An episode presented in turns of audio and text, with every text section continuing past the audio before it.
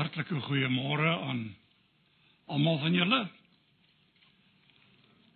Dit is 'n voorreg om weer saam met julle kan te kan wees en te kan luister na die aangrypende woorde van die liedere wat ons gesing het.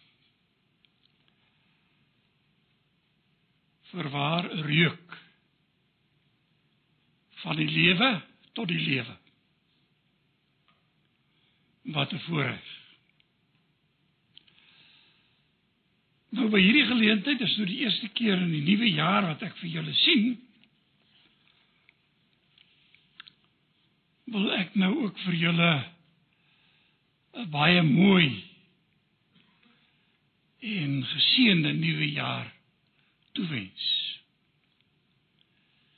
Met die bede dat die Here vir julle as gemeente en vir ons almal wat familie is van mekaar ryklik sal seën en sal gebruik tot sy eer. Nou voordat ek gaan vir u gaan voorlees, gaan vir u lees uit Matteus 22. En hier is nou so 'n stukkie geskiedenis aan hierdie preek. Ek sal nou vir julle daaroor vertel. Maar kom ons buig net ons hoofde voordat ons lees en ons bid saam. Onse Vader, ons dank U vir die wonder, die grootheid van U genade. Ons dankie dat ons vanmôre in die bevoordeelde posisie is om U te kan aanbid. Te kan aanbid deur sang. Maar net stil te word voor U. en te weet U is God van ewigheid tot ewigheid.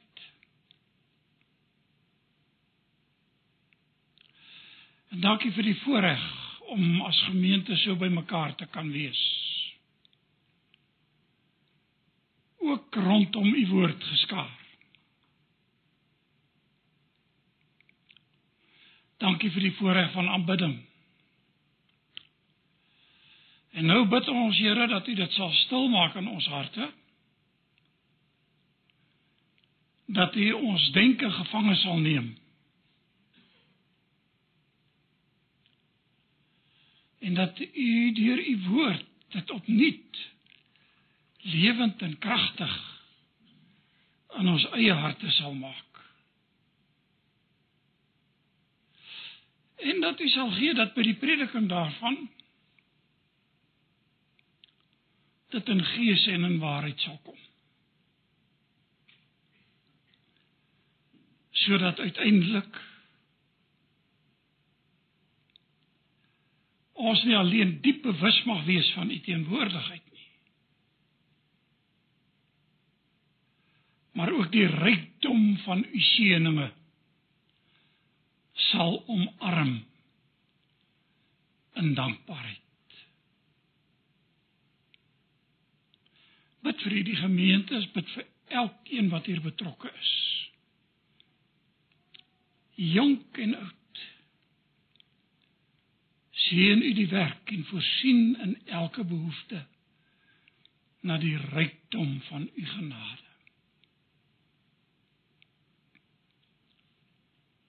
En maak dit nou stil in ons eie harte. Ons vra dit in Jesus naam. Amen.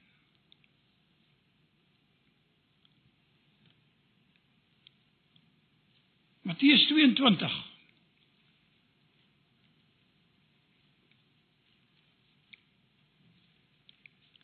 'n baie bekende gedeelte.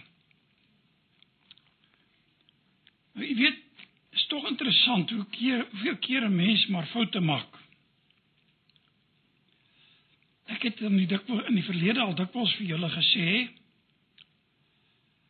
die kansel moet jy nie Bybel toe jaag nie. Die Bybel moet jou kansel toe jaag. En toe was ek nog gevra om vroeg in die nuwe jaar Rietfontein 'n boodskap te bring. En wat doen ek? Dis nuwe jaar. So ek laat toe dat die kansel my Bybel toe jaag om 'n boodskap te kry vir die gemeente in die nuwe jaar. Maar jy weet die Here het sy manier van werk. In daardie tyd was ek nog steeds besig met 'n Bybelstudie. Ek uh, ek het nou van begin van Genesis af werk ek nou deur. Ek weet nie of julle hierdie uh uh NIV uh dis nou so uh so kommentaar Bybel, maar eintlik meer agtergrond wat bygewerk word in die is 'n archaeological study Bible. Is 'n lewige werk. En ek wil nou vir julle sê as julle nou weet hoe lewig hy is en julle dink ek het nou by Genesis 1 begin en ek laat niks uit nie. Al die agtergrond, al die materiaal, die lees ek. En ek trek nou eers by Matteus 22. Ek sê so 'n bietjie verder. Dan gaan dit nou nie te vinnig nie. Maar daar gaan ek toe aan met Matteus 22 op daardie stadium. En skielik net so. Toe weet ek maar hier is die teks waaroor ek moet preek. Nie die nuwe jaarsboodskap wat ek gaan voorberei het nie. En hierdie teks het my so aangegryp en hierdie gedeelte het my op so 'n manier aangegryp dat ek so bly was toe ek geleentheid kry om hier te kom preek. Toe weet ek maar dis die boodskap wat ek hier moet bring. Dis so 'n bekende gedeelte. Meeste van ons ja, sal hom seker amper uit ons kop uit opsê. Want dit gaan oor die gelykenis van die bruilof wat Jesus vertel het. Nou gaan ek vir u voorlees. En kom ons kyk daar by Matteus 22. En ek gaan vanaf vers 1 lees. Jesus het weer in gelykenisse met die mense gepraat. Hy het gesê met die koninkryk van die hemel gaan dit soos met 'n koning wat vir sy seun 'n bruilofsfees voorberei het. Hy het sy slawe uitgestuur om die genooides na die bruilof te roep. Maar hulle wou nie kom nie. Toe stuur hy weer ander slawe met die opdrag: "Sê vir die genooides, die maaltyd is reg my beeste en vetgemaakte vee is geslag. Alles is gereed. Kom na die bruilof toe. Maar die genooides het hulle nie daaraan gesteur nie. En die een het na sy stuk grond en 'n ander een na sy werkplek toe gegaan. En party het sy slawe gegryp en mishandel en doodgemaak. Die koning het kwaad geword. En sy leers gestuur om daardie moordenaars dood te maak en hulle stad aan die brand te steek. Toe sê hy vir sy slawe: Alles staan klaar vir die bruilofsfees. Maar die genooides was dit nie werd nie gaan nou uit na die straathoeke en nooi soveel mense as wat julle teekom na die bruilofsfees bruilofsfees toe. Toe het daardie slawe uitgegaan op die strate en almal wat hulle gekry het bymekaar gemaak. So het die feessaal vol gaste geword. Die koning het ingegaan om na die gaste te kyk En toe sien hy daar 'n man wat nie bruilofsklere aan het nie. En hy sê vir hom vriend, Hoe het jy hier ingekom sonder bruilofsklere aan? Maar die man kon niks antwoord nie. Toe sê die koning vir sy dienaars: "Bind sy hande en sy voete vas en gooi hom uit in die diepste duisternis daar buite. Daar sal hulle huil en op hulle tande kners." Baie is immers geroep, maar min uitverkies. Net hierdie gedeelte. En weet jy, hierdie het my so aangegryp want ek dink hier voor ons het ons in hierdie oomblik 'n uitnodiging na 'n bruilofsfees vir hierdie nuwe jaar. Wie weet? Wie weet of Jesus nie terugkom in hierdie jaar nie? Wie weet of sy wederkoms nie gaan plaasvind in hierdie jaar nie? En deur die eeue heen staan hierdie uitnodiging vas. Is dit oorgelewer van geslag tot geslag tot geslag en kom dit vanmôre na jou en my wat soveel jare 2000 jaar later hier by mekaar sit en hier kom die uitnodiging, dieselfde uitnodiging wat gerig is aan hierdie mense. Nou basies sou 'n mens eintlik die gedeelte in 3 dele kom opdeel. Ek gaan dit nou nie presies so doen nie, maar die hoofdele sou 'n mens kon sê daar was die uitnodiging, oei uitnodiging na die bruilof. Groot deel word daar aangespandeer, daar aangespandeer. Dan was daar natuurlik die gaste wat uiteindelik die saal vol gemaak het want ons lees die saal het vol geword. En dan laastens en ek wil daarby ook vandag stil staan want daar die ou sonder die bruilofsleet het my al baie laat wonder. Het hy nie jou ook al laat wonder nie? Hier gaan 'n uitnodiging uit. Nou weet jy die die die ou bedeling, die ou oosterse wêreld was baie lief vir feesvier. Jong, hulle kon partytjie hou. Soos min. En ons is mos lief vir sulke samekomste, nie waar nie waar nie, 'n lekker braai of uh, En ek weet dis 'n ou wat my hier belooi genooi het vir ete, hy moet nog net sy belofte nakom. Ek sal nou nie name noem of so nie. Maar Maar so eetmaal of so 'n byeenkoms, so 'n feesmaal waar 'n gemeente bymekaar kom, is dit nie gesellig nie. Dis mos 'n besondere geleentheid. Almal geniet dit. Een baie bekende teoloog het jare terug geskryf die treffende woorde. Hy het gesê God het met sy volk gehandel van feesmaal tot feesmaal. En hier kom die Here Jesus met hierdie gelykenis van 'n bruilofsfees. Nou daar's baie feeste gevier, weet jy? As jy nou in die Ou Testament gaan kyk. Ek het nou so 'n paar neergeskryf. En ek het waarskynlik nie eens als raak gesien nie. Maar daar was die die ongesees van die ongesuurde brode. Was 'n feestelike geleentheid. Daar was die oesfees. Feestelike geleentheid.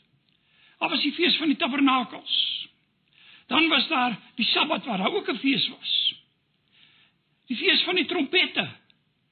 Groot versoendag, die Purimfees, tyd van Ester daarna. Dan was daar ander feeste gevier. Iemand het eendag vir my gesê hierdie ding van verjaarsdag vier is sommer 'n onbybelse ding. Mens lees dit nie in die Bybel nie. Mens lees nogal van verjaarsdag in die Bybel ook. Ek het so 'n paar tekste gekry wat dit onderstreep. Ag, en is, is kinders daarom nie opgewonde vir vir hulle verjaarsdag nie. Hulle het nou in die week wat verby is verjaar, maar jy weet as jy nou trek waar ons is, dan sê jy dis van al die verjaardae wat jy lyk soos wat jy lyk. Maar ons maak altyd iets daarvan. Verlede jaar het ek die verrassing van my lewe gehad. toe kort voor my verjaarsdag my kinders uit Australië hier by ons opgedaag het. Dit bly 'n groot geleentheid. Daar was verjaarsdagfeeste. Huweliksfeeste. Hierdie ouens kon Makiti hoor. Waarvan ons nie 'n idee het nie. Van hulle tot 7 dae lank aangehou. Nou ek weet nie hoe die ouens na 7 dae gelyk het nie, maar dit nou daar gelaat. Hulle het bruilof gehou. Behoorlik. Huweliksfeeste. Ja. Selfs by begrafnisse is daar soms ook eet goed voorgesit. Ons doen dit ook. Ons doen dit ook. Skaapskeerdag. Fees. So kan ons aangaan talle en talle en talle feeste. En hier in hierdie gelykenis vertel Here Jesus van 'n sekere koning wat 'n bruilofsfees vir sy seun voorberei het. Nou voordat ons dieper ingaan hierop, op die oomblik moet ons nie te veel hierin lees nie. Jy weet 'n gelykenis moet mens maar versigtig hanteer. Hier sal later meer inkom. Maar vir sy seun reël hy 'n bruiloffees. Nou hier is iets interessant. Hy stuur sy slawe uit. Nou mense gewoonlik sê daar was twee uitnodigings, nie waar nie? Maar as jy mens nou mooi na die teks kyk, lyk dit vir wat drie is, want hy stuur sy slawe uit om die uitgenooides te roep. Maar in elk geval, dis nie belangrik nie. Hier gaan hulle uit en hulle gaan nooi die mense uit. Hulle gaan roep die mense wat uitgenooi is. Die bruilof is gereed, kom. Nou weet jy, in die konteks hiervan was dit 'n groot eer wat 'n mens aangedoen word. Baie groot eer as jy na 'n konings koninklike bruilof uitgenooi word. Nou ek weet nou nie presies hoe ek nou vandag daaroor sal voel as ek ek sal nooit na so 'n uitnodiging kry nie, maar hoe sou ek voel as ek na so iets uitnodig kry? Uh nogal 'n bietjie ongemaklik dink ek. Ek sal maar liewer daar wil wegbly. Maar dit daar gelaat. Hier is 'n koninklike bruilof. Mense is uitgenooi en hulle sê dankie, maar nee dankie. Kan jy jou dit indink? Dankie, maar nee dankie. Maar weet jy hierdie gelykenis kan 'n mens alleen verstaan as jy so 'n bietjie terugblaai.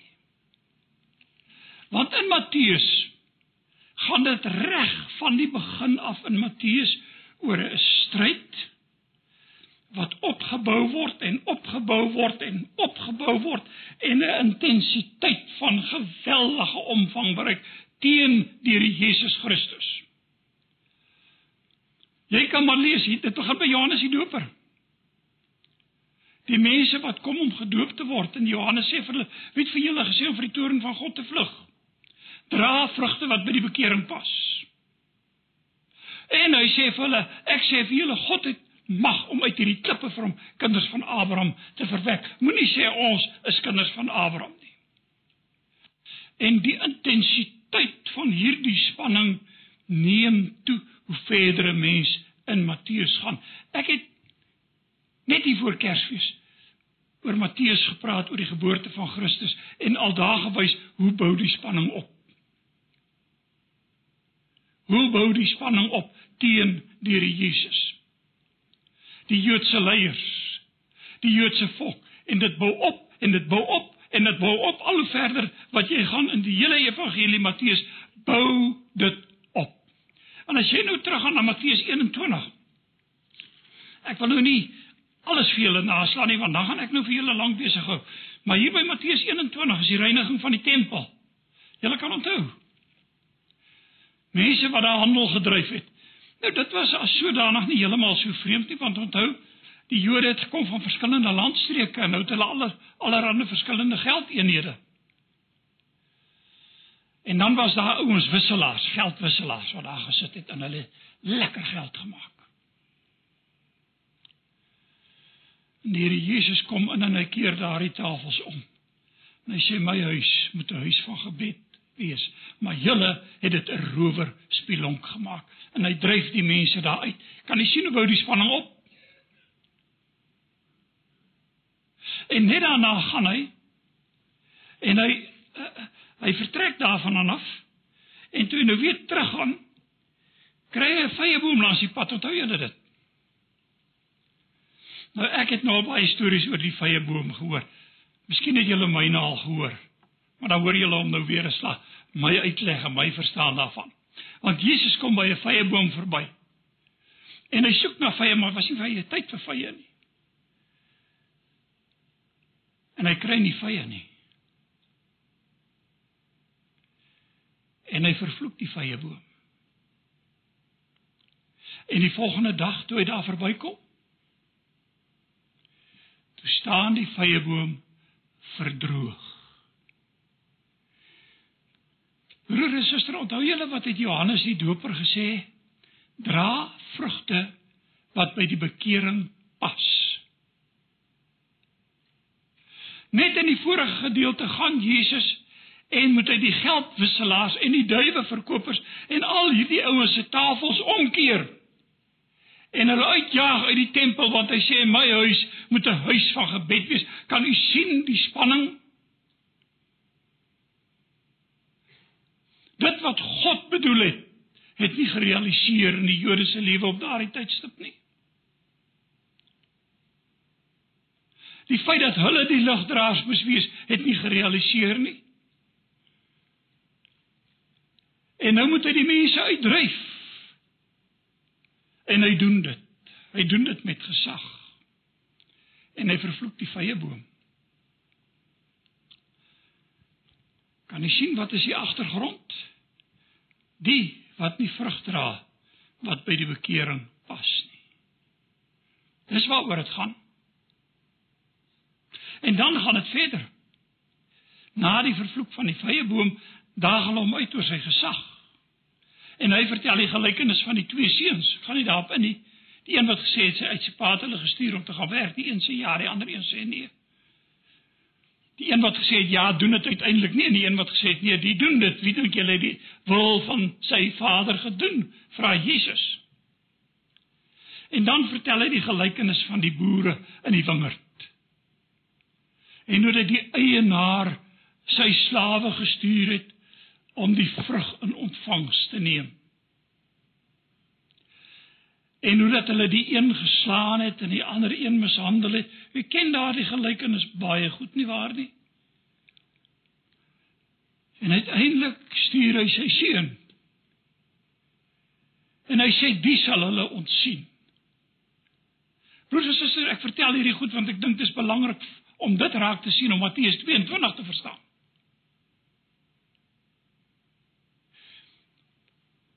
En hier in Matteus 21 stuur hy uiteindelik sy seun. En wat sê die boere daar? Dis ons kans. Kom ons maak hom dood. En dan neem ons sy eiendom in besit. Dan is dit ons. En nou sê julle onthou wat vertel hierdie hele gedeeltjie verder hoe dat Jesus uiteindelik gesê het toe dit gebeur het. Nou moet julle mooi luister, die koninkryk van God. Broers, ek haal dit aan hier uit die Bybel uit. Die koninkryk van God sal van julle af weggeneem word en aan hulle gegee word wat die vrugte daarvan sal dra. Onthou julle die uitspraak. Wat beteken dit? Jy sien presies wat gebeur het hier in Matteus 22. Johannes stel dit in in, in Johannes hoofstuk 1. Hy het na sy eie mense toe gekom. En sy eie mense het hom nie aangeneem nie. Maar almal wat hom aangeneem het aan hulle het hy mag gegee om kinders van God te word, aan hulle wat in sy naam glo. Ja, hierdie mense wat uitgenooi was na die bruilof het gesê dankie, maar nee, dankie. En uiteindelik toe stuur hy weer mense. En toe mishandel hulle die slawe. Maak hulle dood. En weet jy, ons lees iets hier baie interessant. Die koning het kwaad geword. Ons leef in 'n tyd waarin ons sê God is liefde. Broers, is dit die grootste waarheid waarvoor ek en jy ooit te staan kan kom. Onthou net die God van liefde kan ook toornig word. Want weet jy hierdie sin speel die eerste groep wat uitgegaan het op die profete en al hierdie mense wat die Jode genooi het en gesê het kom en hulle wou nie kom nie. En toe die tweede groep wat uitgegaan het, gaan oor Johannes die Doper. Gaan oor Jesus self, hulle stuur wat uitgestuur is en wat hulle doodmaak. Om die lewe bring gaan kyk mooi na hierdie gedeelte, dis presies wat hier gebeur. En toe word die koning kwaad en wat sê hy? Hy stuur sy mense uit om die stad aan die brand te steek. En wat het in 70 na Christus gebeur? Kan julle onthou? In 70 na Christus onder leiding van Titus se generaal seun van die keiser Vespasianus val Jerusalem binne en word die stad Jerusalem vernietig. Onthou julle die mense wat uitgeroep het toe hulle sê laat hy gekruisig word, kruisig hom, laat sy bloed op ons en op ons kinders kom. En in 70 na Christus word Jerusalem verwoes. Word die tempel verwoes. Hier sê hierdie teks vir ons. Die koning het kwaad geword. Vers 7. En sy leer gestuur om daardie moordenaars dood te maak en hulle stad aan die brand te steek. Broers en susters, dit lees jy in hoofstuk 23 waar Jesus gesê het: "Julle huis word vir julle woes gelaat." Ons lees in hoofstuk 24 Jerusalem, Jerusalem, jy wat die profete doodmaak en en jou boodskappers stenig die wat na jou toe kom. Hoe dikwels wou ek jou mekaar maak soos 'n hen haar kuikens onder die vlerke, maar julle wou nie. Kyk, nou word julle stad as puinhoop aan julle oorgelaat. Broer en suster, laat ek en jy ook sidder voor God se woord wat uiteindelik sy woord waar maak. Ek kom nou nou by daai ou sonder die bruilofsklere. En dan lees ons in hoofstuk 24 hierdie baie treffende woorde toe Jesus van die tempel af weggaan, het sy het sy disippels nader gekom, sy aandag op die tempelgeboue gefestig. Hulle gesê kyk watter mooi klippe, kyk wat so mooi geboue. Dis die tempel wat Herodes gebou het. Herbou het, mooi gemaak het pragtige plek en Jesus sê vir hulle, julle sien al die dinge, dit verseker ek julle, hier sal nie een klip op die ander bly wat nie afgebreek sal word nie. En jy gaan kyk na die geskiedenis en dit het gebeur. Josefus, geskiedskrywer, kort na Christus in hierdie tyd nog geleef, baie het baie hieroor geskryf. Ek was so gelukkig Nelly en ek het gekuier in Holland by familie van haar en haar tannie se man bring vir my twee sulke dik boeke. Josef se geskiedbeskrywing. Ek was so in my noppies daaroor. Want daar lees jy van die geskiedenis, van hierdie agterna geskiedenis en hierdie dinge wat gebeur het en die verskrikking wat daar plaasvind het. Ek wil nie eers daarop ingaan nie. Weet jy, dit was so erg. Hy vertel hoe dat mense in die strate geloop het. As daar 'n skadu weer in 'n huis val, gaan hulle in om te kyk of daar nie kos te plunder is nie. As daar 'n lijk in die huis lê, pluk hulle hom oop om te kyk of daar nie kos versteek is nie. Dit was ellende, een ellende op die ander. God het sy woord waargemaak en hier waarsku die Here Jesus Jesus hulle hier in Matteus 20 wat 22 wat ons saam gelees het. Hy sal hulle stad aan die brand steek. Maar dan daai uitnodiging, daai uitnodiging wat vir my en jou vanmôre raak. Want as ek en jy nie op maar die ou wat daar op die straathoek staan nie. Sê jy nie ook maar die ou wat buite gereken word. En Jesus sê gaan uit op die straathoeke. Bring hulle. En dan lees ons en hierdie feessaal het vol geword. Wat 'n belewenis. Onthou jy wat het Jesus vir die skrifgeleerdes gesê? Die tollenaars en die hoere gaan julle voor in die koninkryk van God. Onthou julle dat Jesus dit gesê het? Jy kan Matteus aandagtig gaan deurlees, dit staan daar. En nou slegtes. Daar kyk hoor wat sê die Bybel. Slegtes en goeies. Hulle word uitgenooi. Kom. Kom feesmaal toe en daar word die saal uitgepak. En hiermee sou ek nou wou sê amen. Klaar gepreek. Maar dit is toe nie so nie. Want net toe ons dink Jesus is klaar met die gelykenis, toe kom die koning in en hy merk 'n ou op sonder 'n bruilofskleed. Nou weet julle ek het nou al baie oor daai. Weet jy of julle al gewonder het nie? Ek het baie gewonder oor daai ou sonder 'n bruilofskleed.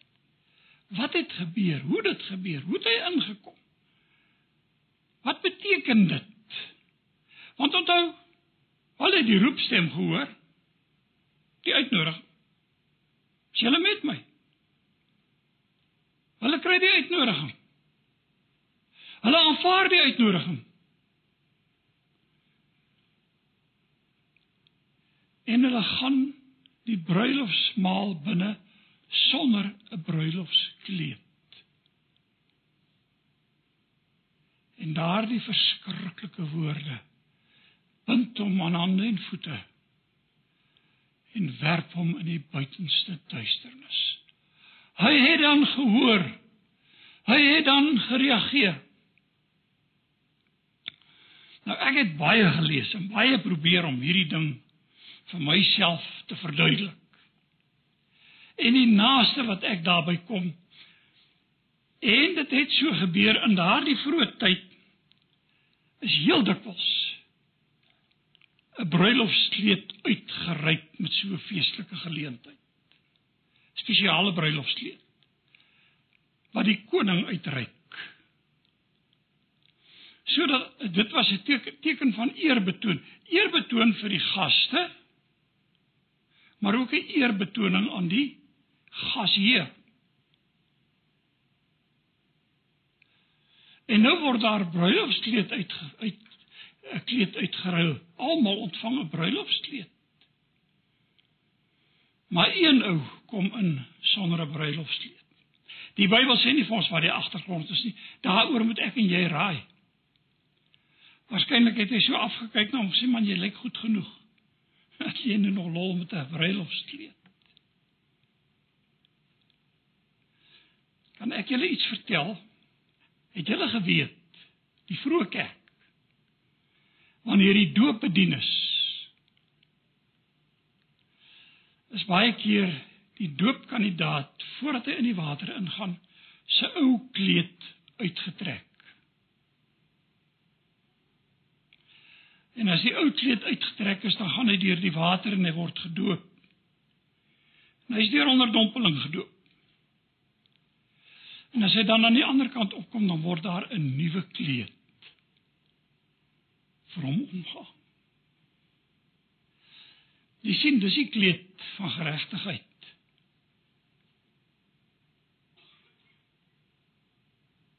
Paulus skryf daarvan en hy verwys na hierdie kleed van geregtigheid. Julle het julle bekleë met Jesus Christus. Hy is die kleed van geregtigheid. Met ander woorde, ek kan dan in der ewigheid nooit met my eie kleed daarin gaan met my eie geregtigheid en dink my kleed is goed genoeg nie. Ek het die kleed van die seun van God nodig om my omgehang te word om in daardie bruilofsmaal in te gaan. Daarom sê die apostel Paulus in 1 Korintiërs 1 waar hy verwys na die Here Jesus, hy het vir ons geword geregtigheid uit God. Hy het vir ons geword heiligmaking. Hy het vir ons geword verlossing. Dit gaan om Jesus Christus volkome in my plek. Hy staan in my plek. En dit lyk vir my as ek na hierdie gedeelte kyk, dis waar die probleem was. Want hy het nie 'n bruilofskleed aangetree. Ja, hy het die stem gehoor, hy het die uitnodiging uitnodiging gehoor. Maar luister, hy sluit hierdie gedeelte af. Hy sluit af. Baie is immers geroep, maar min uitverkies. Nou broeders, suster, ek wil vanmôre vir julle sê, die woord uitverkies is nie 'n donker kol in die evangelie nie. Die woord uitverkies is 'n trooswoord om vir jou en te vir my die versekering te gee dat ons heil kom van God af. Hy skenk dit uit vrye genade aan ons. Dis nie deur my eie toedien. Ek kan nie met my eie kleed van geregtigheid daarin kom nie, want dis soos 'n besoedelde kleed voor sy aangesig, wegwerplik. Ek kan alleen in die kleed van die Here Jesus Christus daarin kom. Hy wat in my plek staan. Ek het ek ek dink ek het dit al vir julle genoem en ek wil dit net vinnig weer vir julle noem. Wat van baie aangrypend was aan die vorige eeu. Sjoe, klink nou al ver terug. Was seker hier in die laat 1950, 1960 iewers het 'n teoloog met die naam van Karl Barth, Switserse gereformeerde teoloog, in 'n gesprek getree met uh, met 'n uh, uh, Rooms-Katolieke teoloog uh, van Duitsland, Hans Küng. Weet nie of julle al die name gehoor het nie, dis nou nie belangrik nie. Maar die twee was toe nou in 'n lekker warm debat met mekaar betrokke. En Karl Barth natuurlik protestant en Hans Küng Rooms-Katoliek. En hulle praat en Hans King sê later aan aan vir hom, hy sê man, moenie bekommer nie. Ek aanvaar jou goeie bedoelings. Sê hy vir Karel Bart. En nou Karel Bart sê vir hom, is in 'n kerkgeskiedenisboek opgeteken wat ek nou vir julle vertel. Karel Bart sê vir hom moet nooit dit waag om so iets te sê nie moet nooit reken op iemand anders se goeie bedoelings nie. Hy sê want weet jy wat? Hy sê as ek eendag voor die poorte te staan kom en voor die regter gaan staan kan ek nie al die boeke en as ek nou vir julle sê hoeveel boeke hy geskryf het dit mense die indruk toe hy begin skryf het hy nie opgehou nie dis vragte en vragte boeke hy sê kan ek nie al die boeke onder my arm saamvat om daar te gaan staan nie. Hy sê die engele sal vir my lag. Hy sê al wat ek sal kan sê as ek daar staan is o God wees my die sondaar kan alleen met die kleed van geregtigheid van die Here Jesus waag om daarin te gaan. Broeders en susters, daar's 'n uitnodiging vir môre vir almal van ons. 'n Bruilofsmaal. Ek weet nie wanneer die bruilofsmaal gaan wees nie. Kan wees dat hierdie maaltyd voor die einde van die jaar is. En ek weet hoe 'n goeie ou vriend van my prof hier by Pretoria Universiteit. Ons was nog veel jonger toe hy eendag vir my gesê, uh my brei toe sê hy vir my op so 'n mooi manier, hy sê, "Wie, ek is gereed om te gaan, maar ek is nie haastig nie."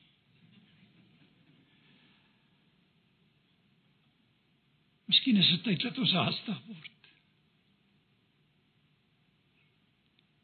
En die wete.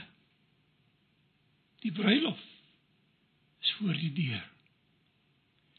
En reg aan die begin van die nuwe jaar het jy en ek hierdie uitnodiging na die bruilof toe. Mag die Here vir ons help om uit te sien met verlange na daardie dag. Amen. Kom ons buig ons hoofde in gebed. Here ons dankie vir hierdie tydjie saam. En ons dankie vir hierdie feesmaal.